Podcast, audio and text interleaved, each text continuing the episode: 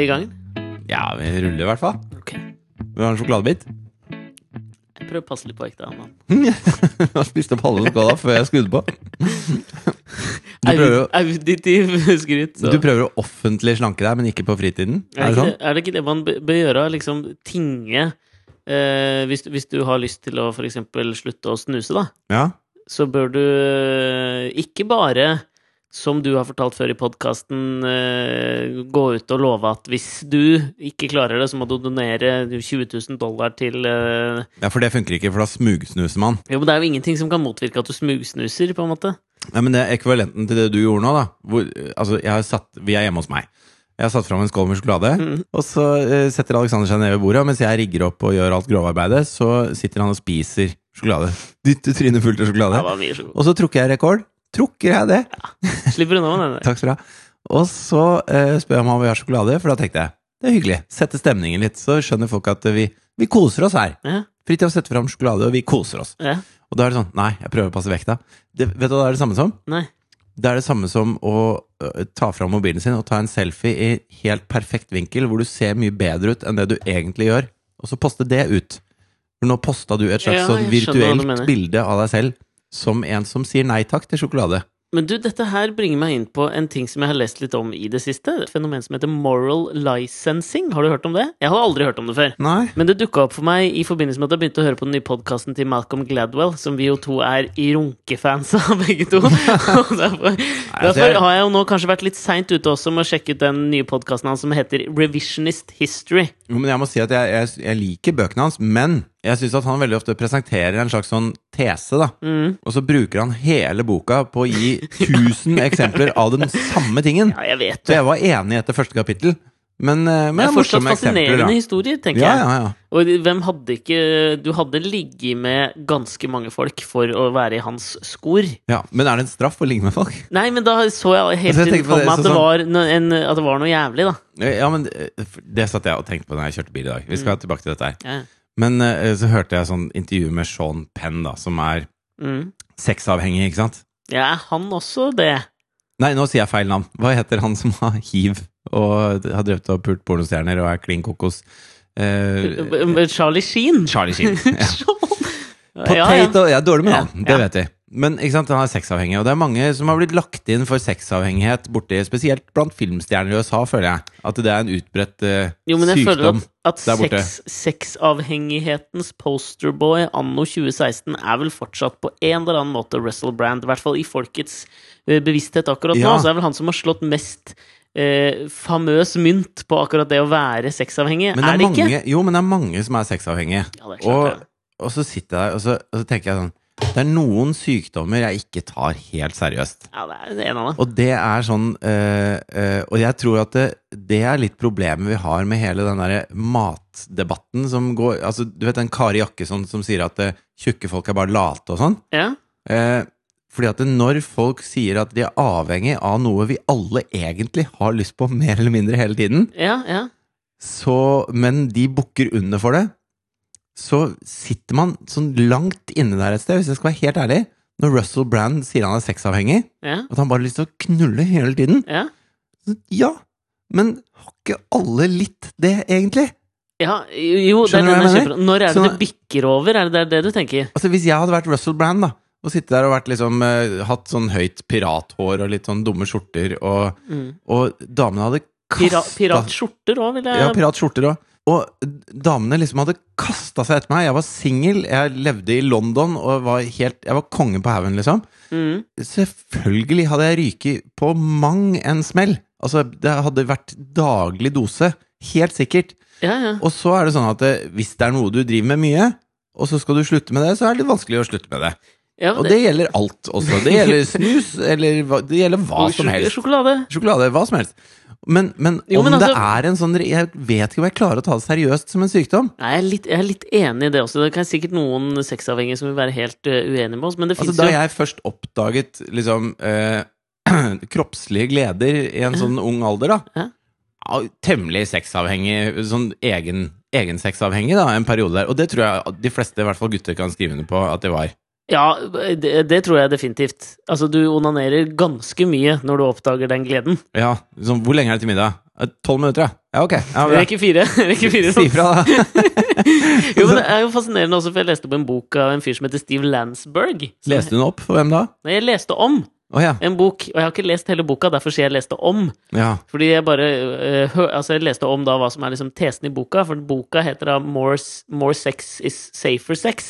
Ja. Ikke sant? For det er jo, det er jo eh, et sånt Altså, hans påstand da er jo at hvis du for eksempel er eh, Hvis du er kjønnssykdomfri, så eh, gjør du på en måte Skal vi kalle det sexens økosystem en tjeneste ved å ha så mye sex du bare kan? ja.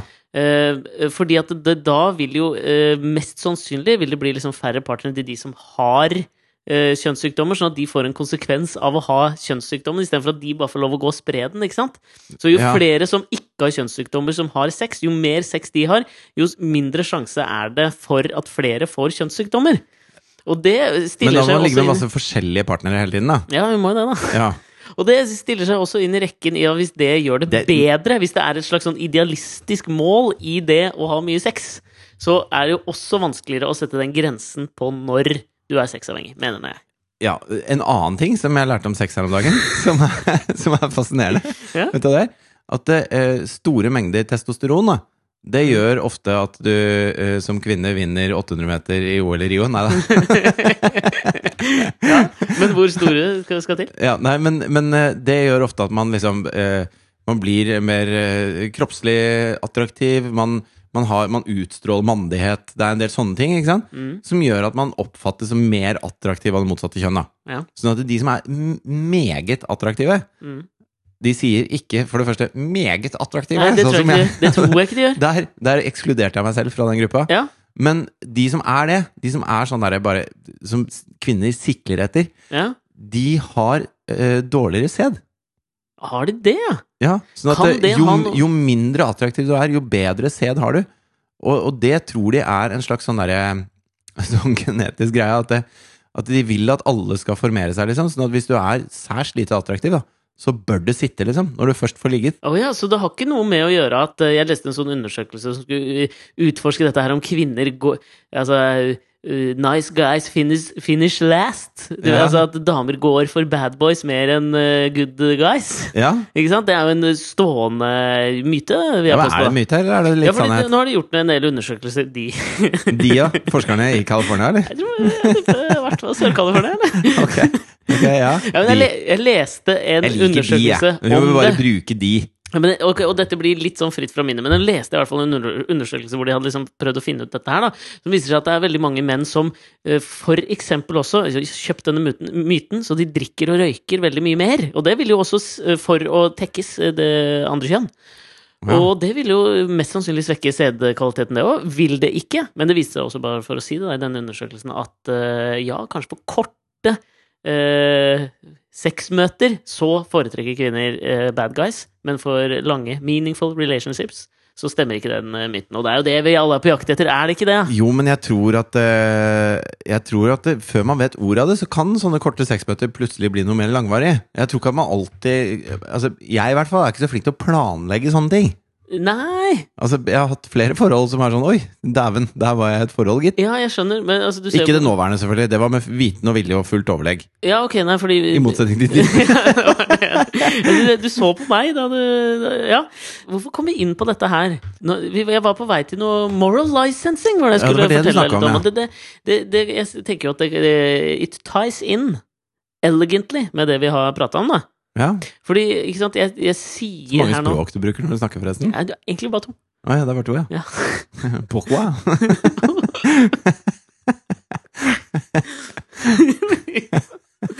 Du kan fransk, ja. Ja, ja, litt. ja. Kjør på, da. Jeg leste akkurat boka 'Apropos Frankrike'. Nei, nei. Fullfør Nei, Moral ja, det kommer tilbake til det. Leste det akkurat. Men, og dette går også inn, ties inn, også med det vi har prata om nå, da. Ja. Boka lånte den av kjæresten din. Ja. Den heter How to be a Parisian. ja. Det var den du Altså, lånte den av kjæresten min. Det var den du åpna og bladde i i to minutter mens du spiste sjokolade mens jeg satte opp eh, dette her. Mm, men den har jeg hatt lyst til å lese jævla lenge. Og nå føler du at du har lest den. Det er derfor du kommer og sier 'jeg leste to bøker her i forrige års'. nei, var, nei, da sier jeg leste om. Ja. Det skal, være rett skal være rett, altså. Ja, men det er en bok jeg har sikla på jævlig lenge. Du leste Altså- på den. Ja, nå leste jeg Denne her har jeg lest litt på. Ja. Men visste hva den dreide seg om? Det er fire damer, fire franske damer som er sånn Fra litt sånn Hva skal vi kalle det? Litt sånn high power damer, da. Joie de vivre. Eh, Og de er glad i livet, det vil jeg tro. Altså. Ja. Men så øh, Det er liksom en som starter sånn filmselskap, en som er sånn Chanel-ambassadør, en som er liksom forfatter Altså, de er sånn Det er der Pia Tjelta, Vanessa Rudjord, Jenny Skavlan Og Det er der Ja, Paris-versjonen av den klikken, da. Ja, åssen være osloværing? Ja, men det er den, da. Ja. Bare på uh, parisisk. Jeg. Og, man, uh, og jeg tror kvinner, og kanskje til og med menn for den saks skyld, da, drømmer jo kanskje om en eller annen slags parisisk uh, væremåte. Den er jo høyt ettertrakta. Er den ikke det? Jo, men jeg føler at Sex og singelliv-serien Ja. er liksom en slags sånn de drømmer om og De har egentlig lyst til å bo i Paris. Og Carrie flytter vel litt sammen med han der russiske kunstneren på et eller annet tidspunkt. Mistrives. Mr. Huge. Mr. Huge. Nei, det er han, det er Mr. Big, tenker du på? Ja, Mr. Big, ja. Nei, det er ikke han. Men han Nei, kommer okay. vel og redder henne ut av det litt sånn famlende Ja, forsøksvise ekteskapet der. Havner alltid tilbake der. ja hvorfor det, Nei, men det, det, det, det jeg liksom flippa innom på den boka som jeg syns er liksom fascinerende, er jo hvor på en måte altså En ting er jo liksom det misogynistiske på en måte underlaget i den der eksempel den teorien vi prata om nå, om at kvinner går for bad guys. Det er jo egentlig liksom Kvinneundertrykkende Jeg vil påstå det. Ja. Men, men, men kvinner er vel ofte kvinner verst. Eh, og her er det da altså fire liksom, high power damer da, som, som har skrevet en bok om hvordan du skal liksom bli en parisisk kvinne. Og da, jeg stusser liksom over noen ting. Sånn som Men er ikke det veldig sånn Altså, alle som er sånn high power Jeg syns hver gang det er sånn likestillingsdebatt, så kommer det en eller annen sånn Selina Middelfart-lignende dame du aldri har hørt om. Som bare ja, 'Jeg jobber som rådgiver i First House, så skjønner jeg ikke hva disse damene syter om', og Ja, vi må sant. bare skjerpe oss, liksom. Altså, de, de damene orker jeg ikke høre på. Jeg er jo litt enig, og så skal man trå jævla varsomt i det landskapet der òg, for å ikke bli han kisen. Jo, men, altså, jeg men jeg, jeg hører på de, de damene som, som, som er vanlige damer, da. Og som, Ja. som mener om, om hvordan livet deres er, og som mener om likestilling og sånn. Jeg hører ikke på sånne rådgivere i First House, eller sånne som har starta sin egen eiendomsmeglerbedrift et eller annet sted. Jeg orker ikke de damene som skal snakke om at alle andre damer bare syter. Ja, Alt går så fint. Jeg, jeg trener to timer før jeg begynner på jobb klokka sju, og au pairen min er superflink med unga og sånn. Jeg orker ikke. Nei, jeg er enig. Det er Pass. sånn anekdotisk uh, approach til liksom alle mulige debatter. Det er sånn, Nei, men jeg opplever det ikke sånn. Nei, men Ja. hvem faen bryr seg om det, da? Bare fordi jeg har full-fledged ADHD, så, så Det betyr ikke at alle har det. Nei, ikke sant? Nei, og det, men det er det jeg tenker på, liksom, for det her heter jo i den der How to be a Parisian wherever you are, heter den. Ja. Så jeg på coveret. Ja. Så heter jo et av kapitlene How to destabilize a man. Og det tenker jeg også, og og første er liksom sånn Du må avlyse en date i, i siste minutt, og du må si unnskyld, men du kan ikke gi han en grunn. Å nei. Du snakker politikk med munnen og sex med øya. Nei, lukk den boka. Har du hatt lyst til å lese den boka? boka? her? faktisk glemme å ha på BH om sommeren. Og det er sånne ting hvor jeg tenker sånn Er det sånn, Hvis menn hadde skrevet den boka, da, så hadde det jo blitt et helvete. Og det forstår jeg definitivt, men kanskje det er blitt et litt for lite helvete av Sophie, Audrey og Caroline og Anne sin bok How to be a Parisian. Men jeg føler at det er mange som prøver på det der. Og jeg, jeg, den første jeg tenker på da, er Malin Håvardsdottir fra Paradise Hotel. Jeg har ingen anelse hvem det er. Ikke jeg heller, før i går på jobben. Okay. Altså kakejobben min. Du er tilbake på kakejobb? Ja, min lille kakejobb. Ja. Så uh, han ene som jobber der, er god kompis med han som driver Blå. Eh, Ja. Altså utestedet Blå i Oslo. Ja. Og så hadde det da kommet en mail uh, til Blå fra en som hadde sånn derre artist management som man aldri har hørt om. Som da representerer Malin fra Paradise 2015, tror jeg. Okay. Eller 14, kanskje. Malin eh, eh, Hvor det står i den mailen, da. Han viste meg altså, okay. den mailen som hadde kommet til Blå. Så står det da at eh, Malin har jobbet seg opp en following på 40 000 følgere på Instagram. Ja. Og er en trendsettende person i Oslos uteliv. Ja. Eh, hvis du ønsker, kan hun besøke deres utested for et honorar av 5000 kroner. Hun kan komme ikke, hun kan komme rundt klokken ti. Eh, og så står det i parentes her er det mulig også andre Paradise-deltakere. og hun forplikter seg til å ta Instagram-bilde både utenfor og inne på utestedet. Det eneste de skal ha, er 5000 kroner og en egen lounge som de kan sitte i. Bare Men det er jo Og- veldig Hva er det heter for noe? Kosmopolitisk, da. Det er ja, jo det, det, er som sånn som de damene holder på. ikke sant? De skal kapitalisere på det å være independent. Ikke si det, nå ble jeg flau! Du skjønner hva jeg mener? Ja, jo, men det er vel ikke noe med å hoppe i etter eh? Paris Hilton som var den første som på en måte, føler jeg, da, som på en måte tok en, en sånn utnyttelse av sin kjent kjendisfaktor. Ja, og nå skal ikke vi som to menn sitte og være sånn og bare disse det, ja. masse damer. Nei, nei. Men vi, vi disser de damene som er teite. Ja, og så disser vi da for faen de mannfolka som er teite. Også. Ja, ja, ja, ja. Men jeg måtte jo inn og sjekke hvem hun Håvardsdotter var, da. Ja, På Instagram, hvor hun har 40 000 følgere. ja, Kan jeg det- se et bilde, eller? Ja, det første som dukker opp, er da dette bildet. Det er altså lekeplassen på Sofienbergparken, hvor Hun har fått 5000 kroner av bydel Grünerløkka. av Rusken-aksjonen for å stille opp der. Men i hvert fall, det er, det er det lekestativet. Det er akkurat den sklia Jonathan på to år Å pleier ja, å skli i. der, ja! Hun ligger jo og skrever over Og der har hun da på seg verdens korteste hotpant og har lagt seg over den ene stanga med rumpa mot kamera, så du ser rett inn i pølsebua. Ja. Eh, Nei, Pølsebu det er, mm, det var en gammel NRK-callback Ja, det var det. til han eh, sportskommentatoren som fikk fyken når han sa det under en eller annen friidrettsstevne. Nei, det nei, var- det var jo turnstevne, og det var en 14 år Ja, gammel rumensk eh, Nei, det var jo for faen NM, for faen! Var det det? Så var en 14 år gammel uh... Hva gjorde hun rumenske i det NM-a? Nei, det var ikke ja, men Jeg tror det var NM. Eh, og så var det da en eh, 14 år gammel turner som gikk, eh, gikk, ned, på bom, gikk ned på bommen. Ja, Og så sa han at da kunne du se rett inn i pølsebua. og fikk sparken. Ja, han var jo ofte dritings også under Ja, det er ikke så heldig klokka to på en søndag under et NM Tidligere, til en jeg ung, ung pike, liksom. Jeg ser den. Men det jeg mener, da, er at denne Paradise Malin, eh, Håvardsdottir, Ja, som da eh, henger over og viser fram alt på et lekestativ, ja. eh, får jeg veldig sånn feil konnotasjoner, da. Jeg syns det er Det syns jeg, jeg er plagsomt. Det synes jeg, er plagsomt. jeg synes den mailen også Den syns jeg ikke var plagsom, den syns jeg var veldig morsom. Eh, jeg skulle gjerne svart på den mailen på vegne av Blå, men det får jeg ikke lov til. Det fikk du ikke lov til. Nei. Nei, men altså, jeg tenker sånn at faen, kjør nå på, da. Du må jo gjerne prøve for min del.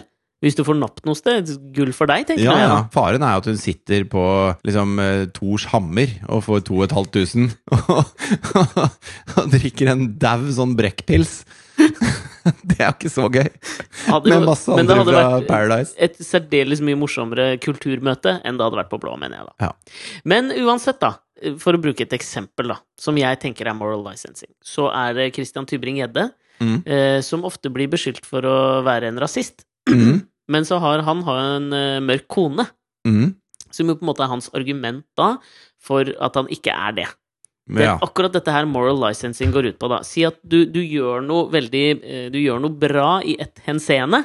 Ja. Gjør noe som føles moralsk riktig. Legger inn aksjer er vel et, et ord man kan bruke på det. Ja, men det er liksom overfor deg sjøl, da.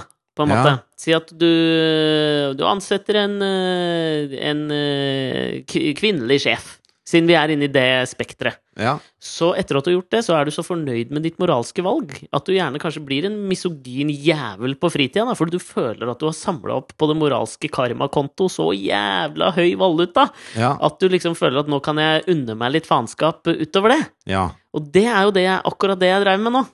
At jeg liksom, Hvis jeg nå liksom bare framstår som at jeg har liksom eh, takker nei til sjoko, så kan jeg egentlig bare stappe i meg alt jeg vil før vi går på. En slags sånn, ja. auditiv, framvisende moral licensing. Men jeg tror at det, akkurat det fenomenet der tror jeg er døden for alle kjærlighetsforhold. Fordi at det, hver gang man føler at nå har jeg vært flink så lenge, nå er det faen meg min tur til å ha det bra, liksom. Ja, Det, hvis du går inn i en sånn derre eh, At du liksom skal kreve å ha det bra. ja. Eh, fordi du føler at du har en slags moralsk kapital på, i din lille lommebok, da, Ja, ja, som ikke den andre har. ja. Og det er, er faktisk dypt i gjeld.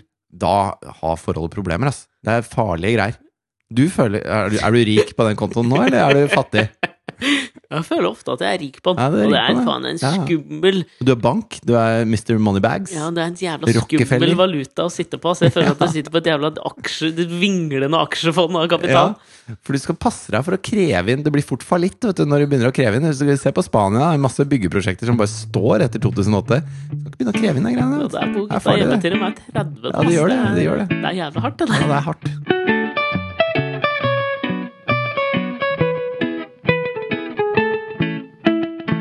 Men du, det var bare en ting jeg hadde lyst til å ta opp eh, også, eh, før vi går uh, fosser videre i Ja. denne podkasten Og det var jo tilbakemeldingene etter forrige podkast, Ja, som jo fikk masse oppmerksomhet i VG og blant våre faste, gode, fantastiske lyttere. ja. Jeg vil liksom bare si hjertelig takk for alle lykkeønskninger og alt det, alt det der. Fordi det var jo ikke liksom planlagt hvordan vi skulle fortelle det, og hvordan jeg skulle legge fram det i podkasten.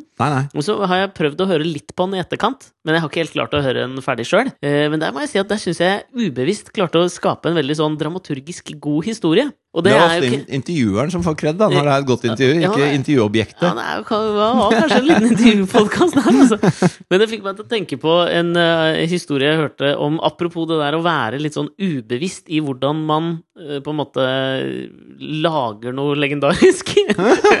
Oi, du slår på stortromma, ja. ja, men Parallellen er legendarisk, da, tenker jeg. ja. Fordi man, når vi har laget en sånn episode som vi får så mye hype for, Mm. så er man jo alltid litt sånn bekymra for hva skal man gjøre etterpå.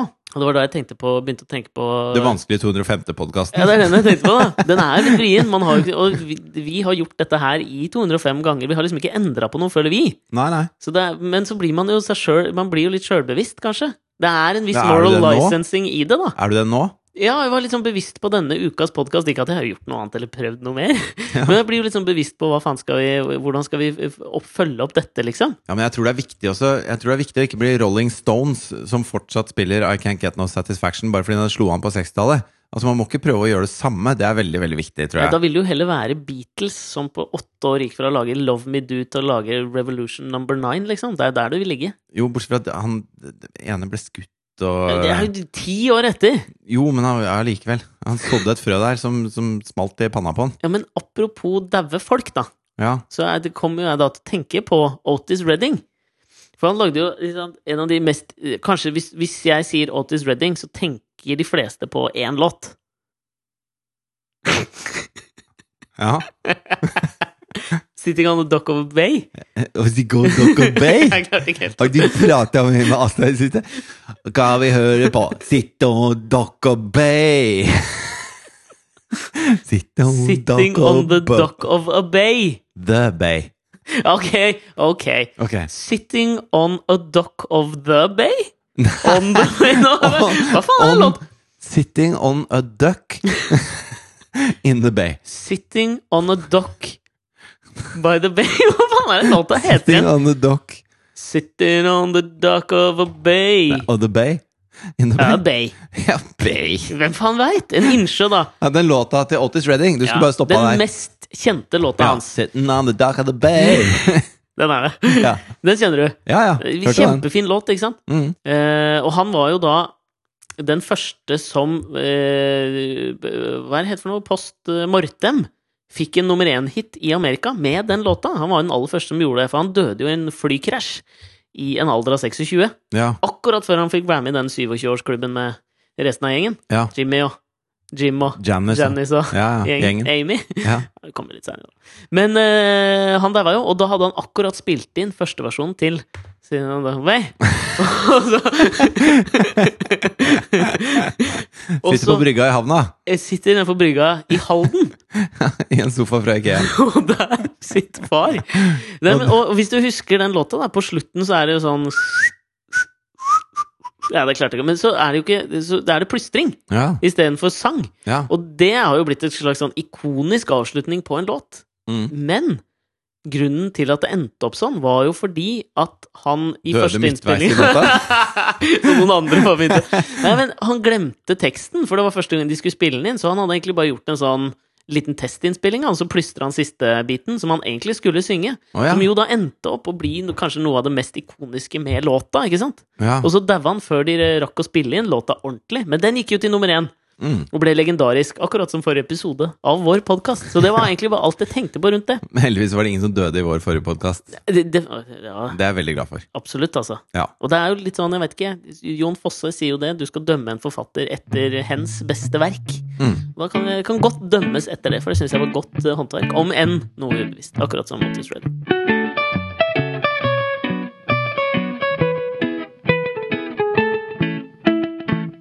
Men jeg tror det er veldig viktig at man ikke eh, Hvis man Sånn som nå, forrige episode av podkasten, så følte vi at eh, ok, dette ble veldig fint. Og det er jo fordi det var en veldig sterk historie. Og heldigvis så har man ikke sånn sånne opplevelser ukentlig, liksom. Mm. Så, så det er ikke noe vits å prøve å, å, å eh, over Altså å, å gjøre det bedre enn den i den leia der. Nei?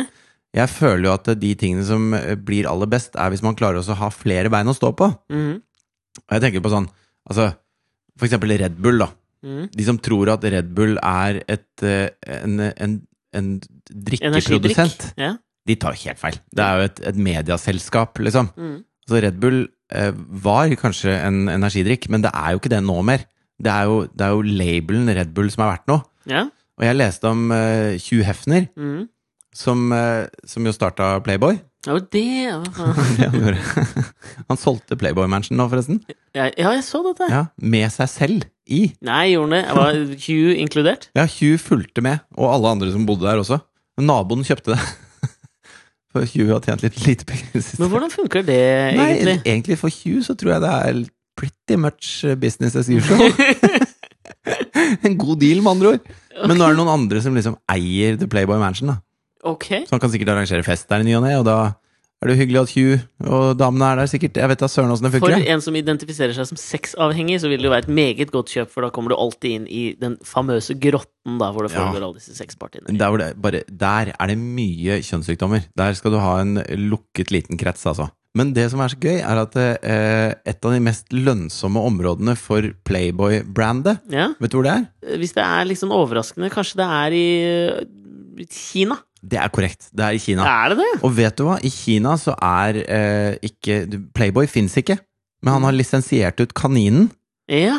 The Playboy Bunny. Ja, ja. Og den betyr ikke lettkledde damer. Den brukes på matpakker og regnfrakker og paraplyer og mye sånn barnegreier. Og, og sånne barnegensere og alt mulig. Så det er Playboy Bunnies overalt der. Og Hugh tjener masse penger på det, men han har bare rebranda det som en, en familielogo der nede. Men det der er jævla fascinerende. Det, Sånn at det betyr noe helt annet. Det er akkurat som Michelin, da. Som egentlig er en dekkprodusent. Og, men når vi snakker om Michelin, så snakker vi om matguiden Michelin.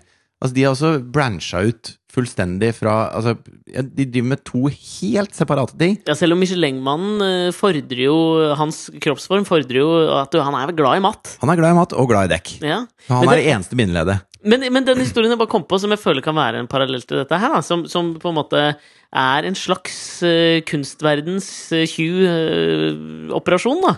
Ja. Det var i 1964. Q-operasjon? Er det liksom en snuoperasjon? Ja. Q-operasjon? En Q-operasjon. TM. Den kan du selge til Kina. Kan det bety noe helt annet? I 1964 i Sverige så hadde jeg en uh, utstilling um, på et veldig kjent uh, svensk galleri som jeg ikke husker navnet på. Nei. Der ble det utstilt uh, verker av Götalådan, kaller vi det. Ja, for det var i Göteborg. Ja, Götalådan. Götalådan. Det fant jeg på nå. TM. TM. Ja, så var det da en eh, Så ble det stilt ut masse verker av en eh, Det som var en litt sånn ukjent fransk kunstkomet, ble det hevdet, som het Pierre Brassot. Ja. Ikke sant? Og eh, i Göteborgsposten så skrev kunstkritikeren liksom at dette var helt fantastisk, at vi aldri hadde hørt om denne kunstneren før, og verkene hans gikk for mye penger da, på den tiden å være. Flere hundre dollar, som i 1964 var ganske mye penger å bruke på et bilde. ja. Så viste det seg da at, at senere så var det to, to karer, da. Åke Akselsson og en fyr til. Eh, Åke Akselsson var journalist i Göteborgs Tiderne, eller hva nå avisen der nede heter. ja. Eh, han hadde da teama opp med en fyr som jobba i Borås dyrepark. Og så hadde de fått den fire år gamle sjimpansen Peter til å bare Ah, De hadde bare gitt den en eh, kost, og så bare bedt den male. Og det var Pierre Brazon? Det var Pierre Brazon. Brazon. Ja. Men det som er liksom gøy med det også, som sikkert eh, Hugh også ville gjort, da, at som kunstkritikeren i Göteborgska Tiderne Han sto for det. Han mente liksom at ja, men vet du hva? Det var det beste bildet på utstillinga, var det Pierre Brosot malte. Og det er jo også en Hugh-operasjon.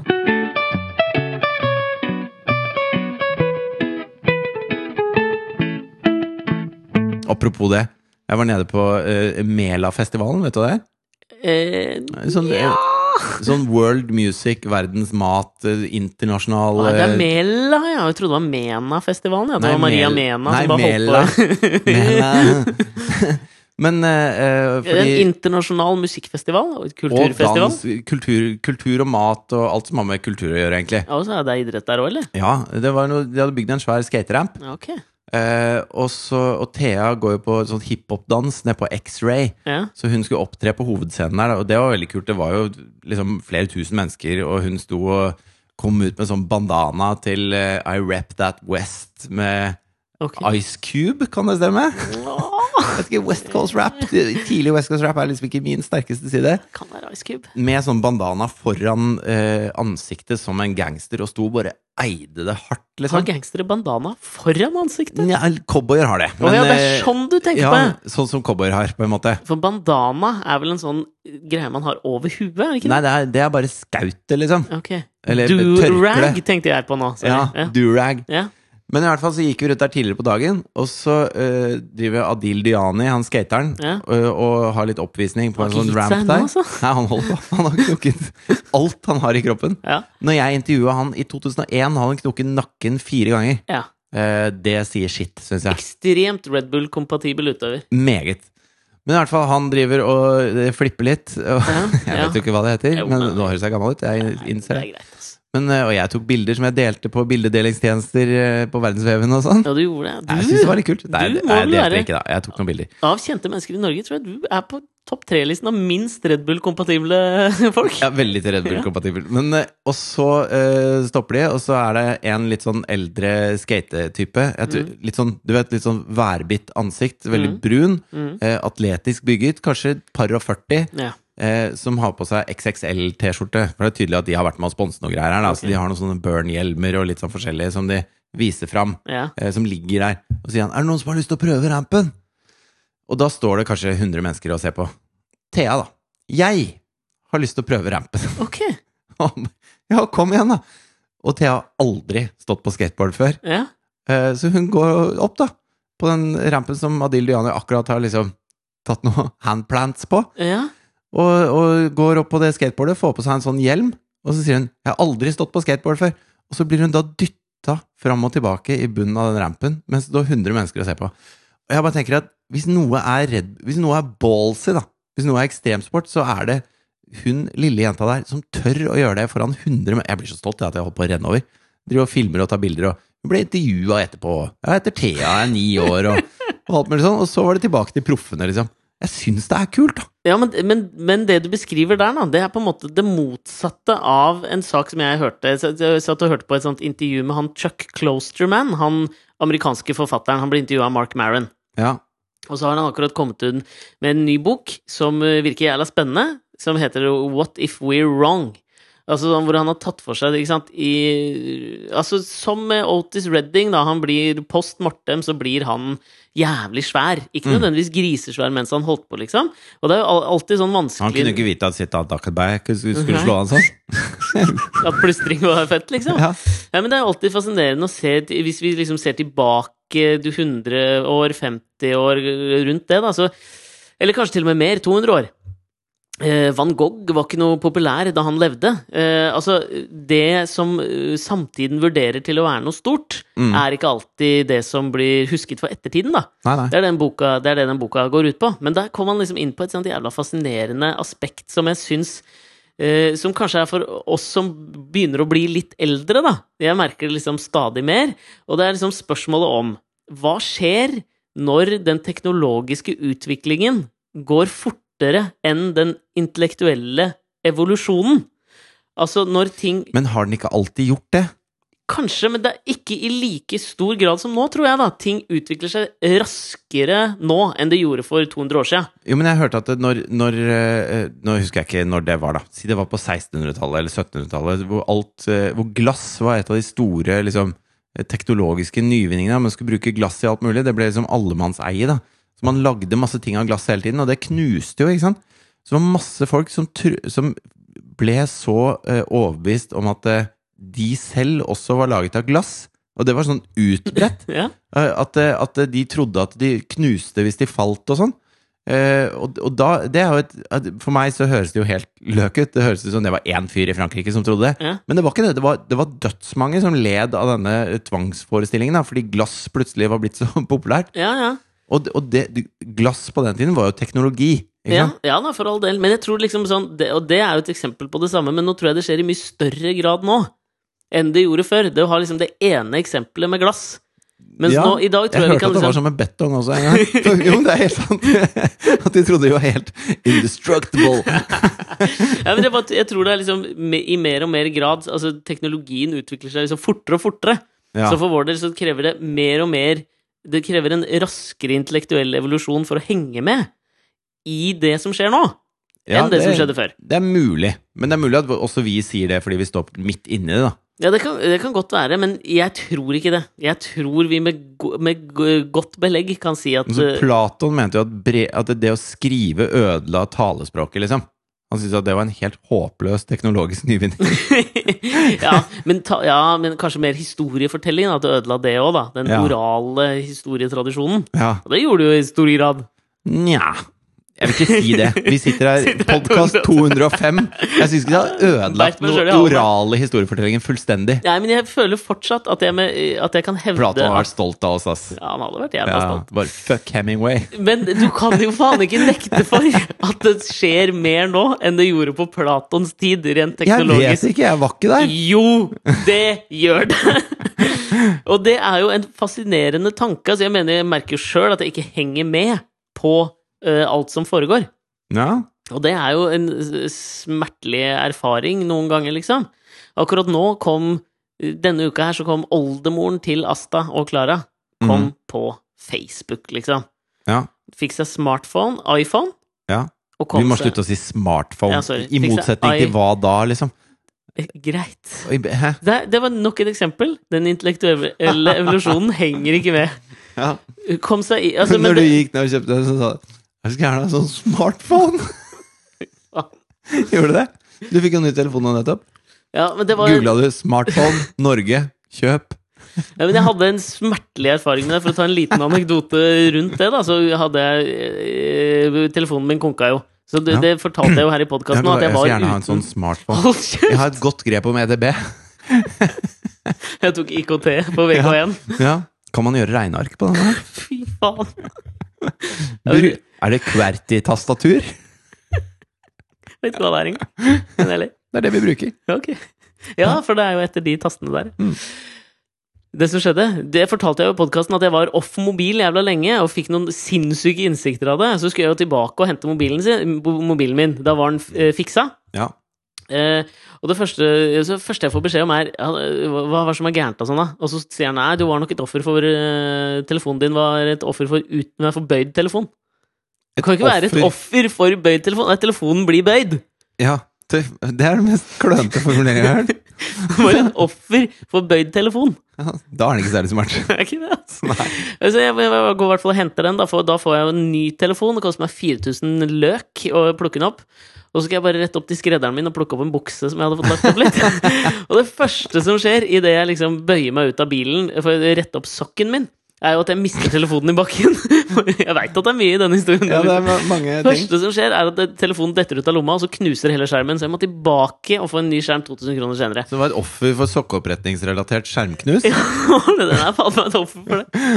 Men poenget mitt var bare at mens vi da, i kanskje en litt eldre generasjon, opplever at vår intellektuelle evolusjon går tapt når vi konkurrerer mot den teknologiske utviklingen, så vil det jo i det Red Bull-kontekstløse samfunnet for disse unge folka som vokser opp nå, så er det Thea gjør, det beviser på det totalt motsatte i liksom følelsesverden, da. Hun, eh, hun tenker ikke kontekst, hun tenker ikke konsekvenser på det, liksom. Hun har aldri prøvd skateboard før, men hun går inn og steller seg i den rampen og prøver for første gang. Jo, hvis det hadde vært en tom ramp med et skateboard, Mm. hvor det hadde stått én fyr der og sagt 'du, har du lyst til å prøve skateboard', eller? Det hadde vært helt uinteressant. Det er bare fordi det sto 100 mennesker og så på. Men det er, noe, det er noe herlig befriende i det også, må jeg si, da. Ja, eller kanskje du må få Facebook, sånn at det, det kan liksom tilfredsstille like-behovet hun tydeligvis har i en alder av ni. Men blir, er det ikke mye redd, bedre å få det Jo, jo, jo, absolutt. Altså, Altså, ikke, ja, men jeg tenker, Da kan kanskje Red Bull, det kontekstløse Red Bull-samfunnet være med å bidra til at vi får live-likes istedenfor de virtuelle likesene.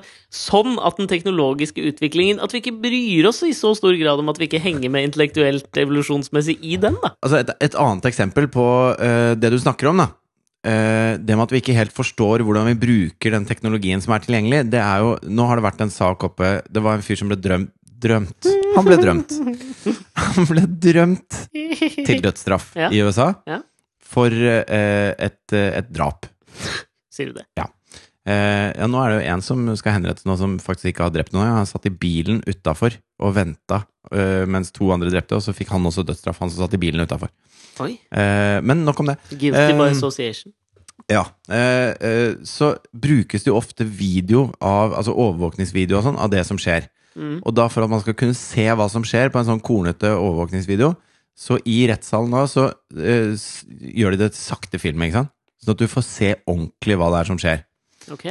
Og han har hele tiden hevdet at det ikke var med vilje, at det ikke var med overlegg, dette drapet som fant sted. Men han fyren her mente at han gjorde det ikke med vilje. Det Mm. var et uhell, dette Mm. drapet.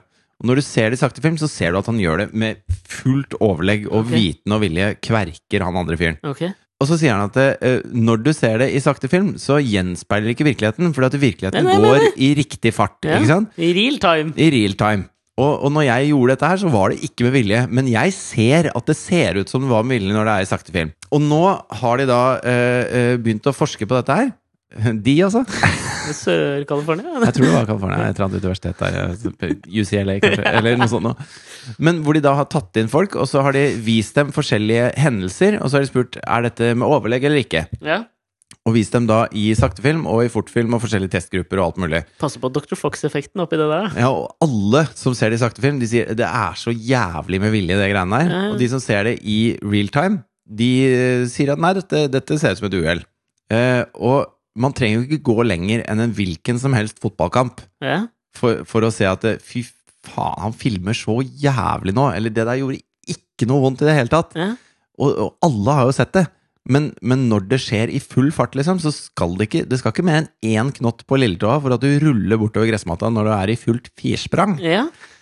Ja, men skjønner du hva jeg mener? Jeg sånn, det, det jeg syntes var sjokkerende, var at de brukte det i rettssaker. For til og med jeg når jeg sitter og ser på Jeg ser ikke så mye på fotball, men til og med jeg når jeg ser på fotball, skjønner at det er annerledes for de som er midt oppi det, enn når jeg sitter og ser på det i sakte film. Takk for meg. Hei. Var det første innlegg i Things That Didn't Make The Cut, eller? Ja, du syns ikke det var interessant, altså? Holdt ikke! ok, greit. Da Så nå var det kjører det, vi en da. slags Otis Redding post mortem. Din historie kjører vi vignett.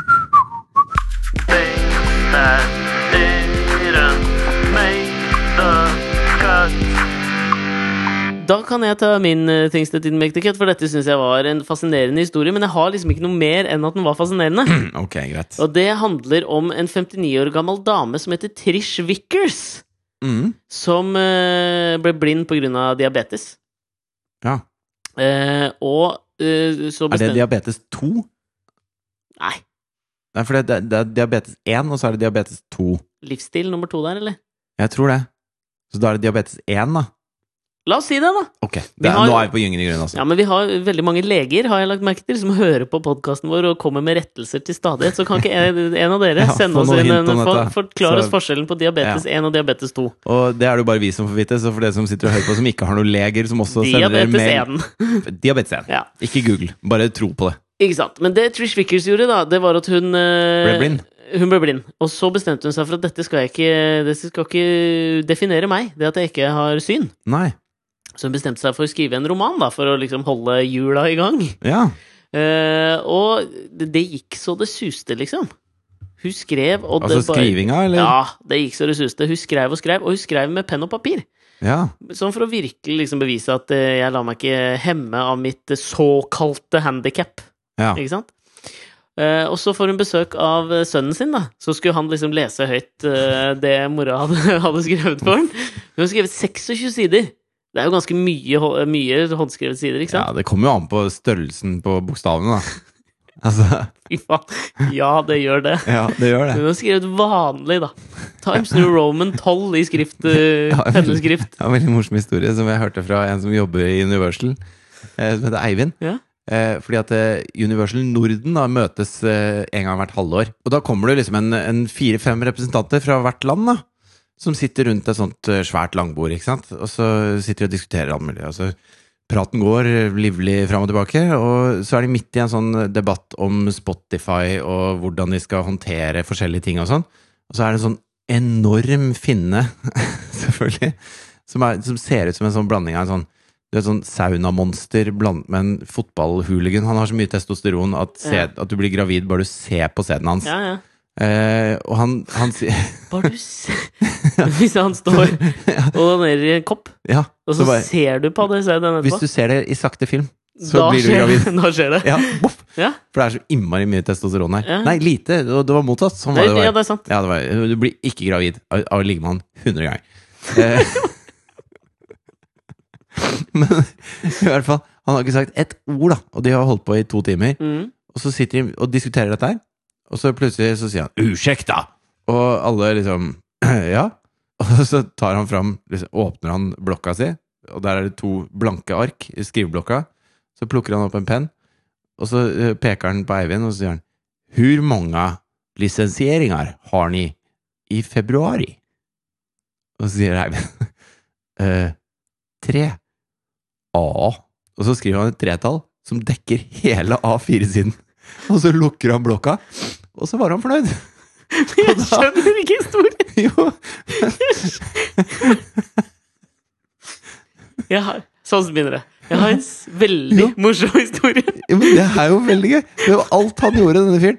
Og det er det jeg mener. Han skrev et tretall over en hel A4-side. Så det at hun blinde dama skrev 26 sider det, Hun kan jo bare ha skrevet overbuljongterning pakkmesterassistent, og det var det, liksom. Hvis hun skrev én bokstav på hver side. Det trenger ikke være mer enn det. Å, fy faen. Sant, sant, sant. Så Trish Vickers da, hun har i hvert fall skrevet 26 sider. Noe mindre font enn denne okay. fyren som lurte på lisensieringene til Universal Music Norden sitt møte. Ja. Men Fy faen! Neste, det neste gang du forteller denne historien, Jeg synes det er en morsom så historie. her var et lite innspill. Ikke åpne med du, folkens? Hysj, hysj, hysj. Jeg har en jævla rå anekdote til dere. Altså, jeg, led, jeg lo masse. Jeg ledde, altså. Ja, jeg ledde masse. Ja, hva var det Trish skrev om, da? Fy faen. Sønnen er der Ja. for å lese opp for henne. mhm. Hun Også- aner ikke hva hun har skrevet. Nei, men han Hun er jo blind. Pelle, jo hva er det jeg har skrevet her? er det bra? Hva står det? Han gjør seg klar Ja. til å lese. Ja. Hun gir han de 26 sidene, og så viser gøy det hvis han hadde seg skrevet en pornonovelle. Fy faen. Han stakk den dampende piken. I den lengtende vulvaen. Jeg vet ikke Ja. om man kan stikke den inn i vulvaen. jeg, om det- Nei Det. Er vulva og Venusberg det samme? Ja, det tror jeg. Da går vi videre. Ja. Så viser det seg at den pennen hun har brukt, den var tom for blekk. Så det er jo ingenting på disse sidene her. Nei. Eh, men så eh, får jo denne saken få litt lokal oppmerksomhet der oppe i Northampton Wickermshire. Ja. Kan være nærme på det. ja, det er mulig. Ja. Så det som skjer, da, er at eh, kriminalteknikerne på det lokale politiet de bruker de neste fem månedene Fy faen, det bør være bra. å- De 26 sidene. Altså, på å retrace og finne ut da, hva For hun har jo risset noe inn. Ja, ja. De bruker altså fem måneder si, altså på fritida si, i lunsjpauser og på, på kveldstid og alt mulig, på å få fram Hvor lenge satt hvor le Det tar ikke så Jeg husker sånn på Altså på tentamen og sånn, så skriver man jo ti sider. Ja. Du har fire timer på deg, du skriver ti sider. Hvorfor skal de bruke fem måneder? Det er jo hennes historie. Kan man bare gi henne en penn, da? Jo, men hun huska det sikkert ikke, da! Nei, da er det ikke så bra. Sånn hadde jeg det i hvert fall med låter til bandene og sånn. At hvis jeg ikke huska det dagen etterpå, så var det ikke så bra. Ja, men det er jo også en slags feilslutning at tror jeg liksom stor litteratur skal ta lang tid og være en sånn omfattende prosess. Fordi han Robert Louis Stevenson, som skrev uh, The Strange Case of Dr. Jekyll and Mr. Hyde Ja. Husker aldri om det er Mr. Hyde og Dr. Dr. Jekyll and Mr. Hyde. Det er. Jekyll and Hyde, ja. Ja.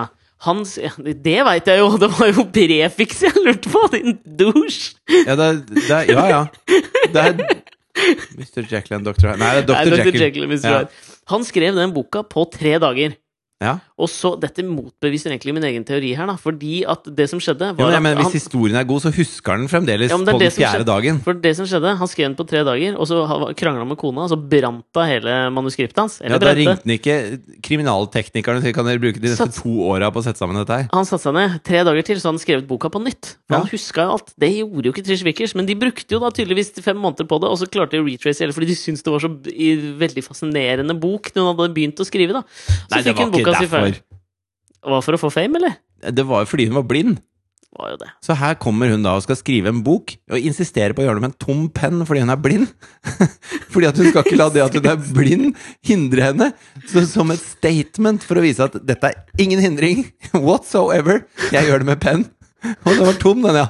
Ja, men da får jeg noen kriminalteknikere til å trace dette. Fordi at det, det er blind, ingen hindring. Hvorfor tok hun ikke bare telefonen sin, smarttelefonen sin, og starta Siri? Og bare fortalte de sekstene ved siden av. Det hadde vært gjort på 20 minutter. Smack! Og derfor var den her i Things That Didn't Make The Cut. Ja. Problemet hennes er ikke at hun er blind, det er det at hun ikke følger med i den teknologiske utviklinga. Den intellektuelle evolusjonen har ligget brakk. Ja, Muldvarp-Platon. Tusen hjertelig takk for denne uka. Det var alt vi hadde.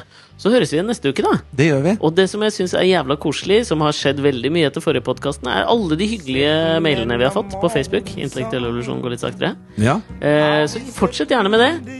Kom, med, kom gjerne med innspill til hva vi skal prate om.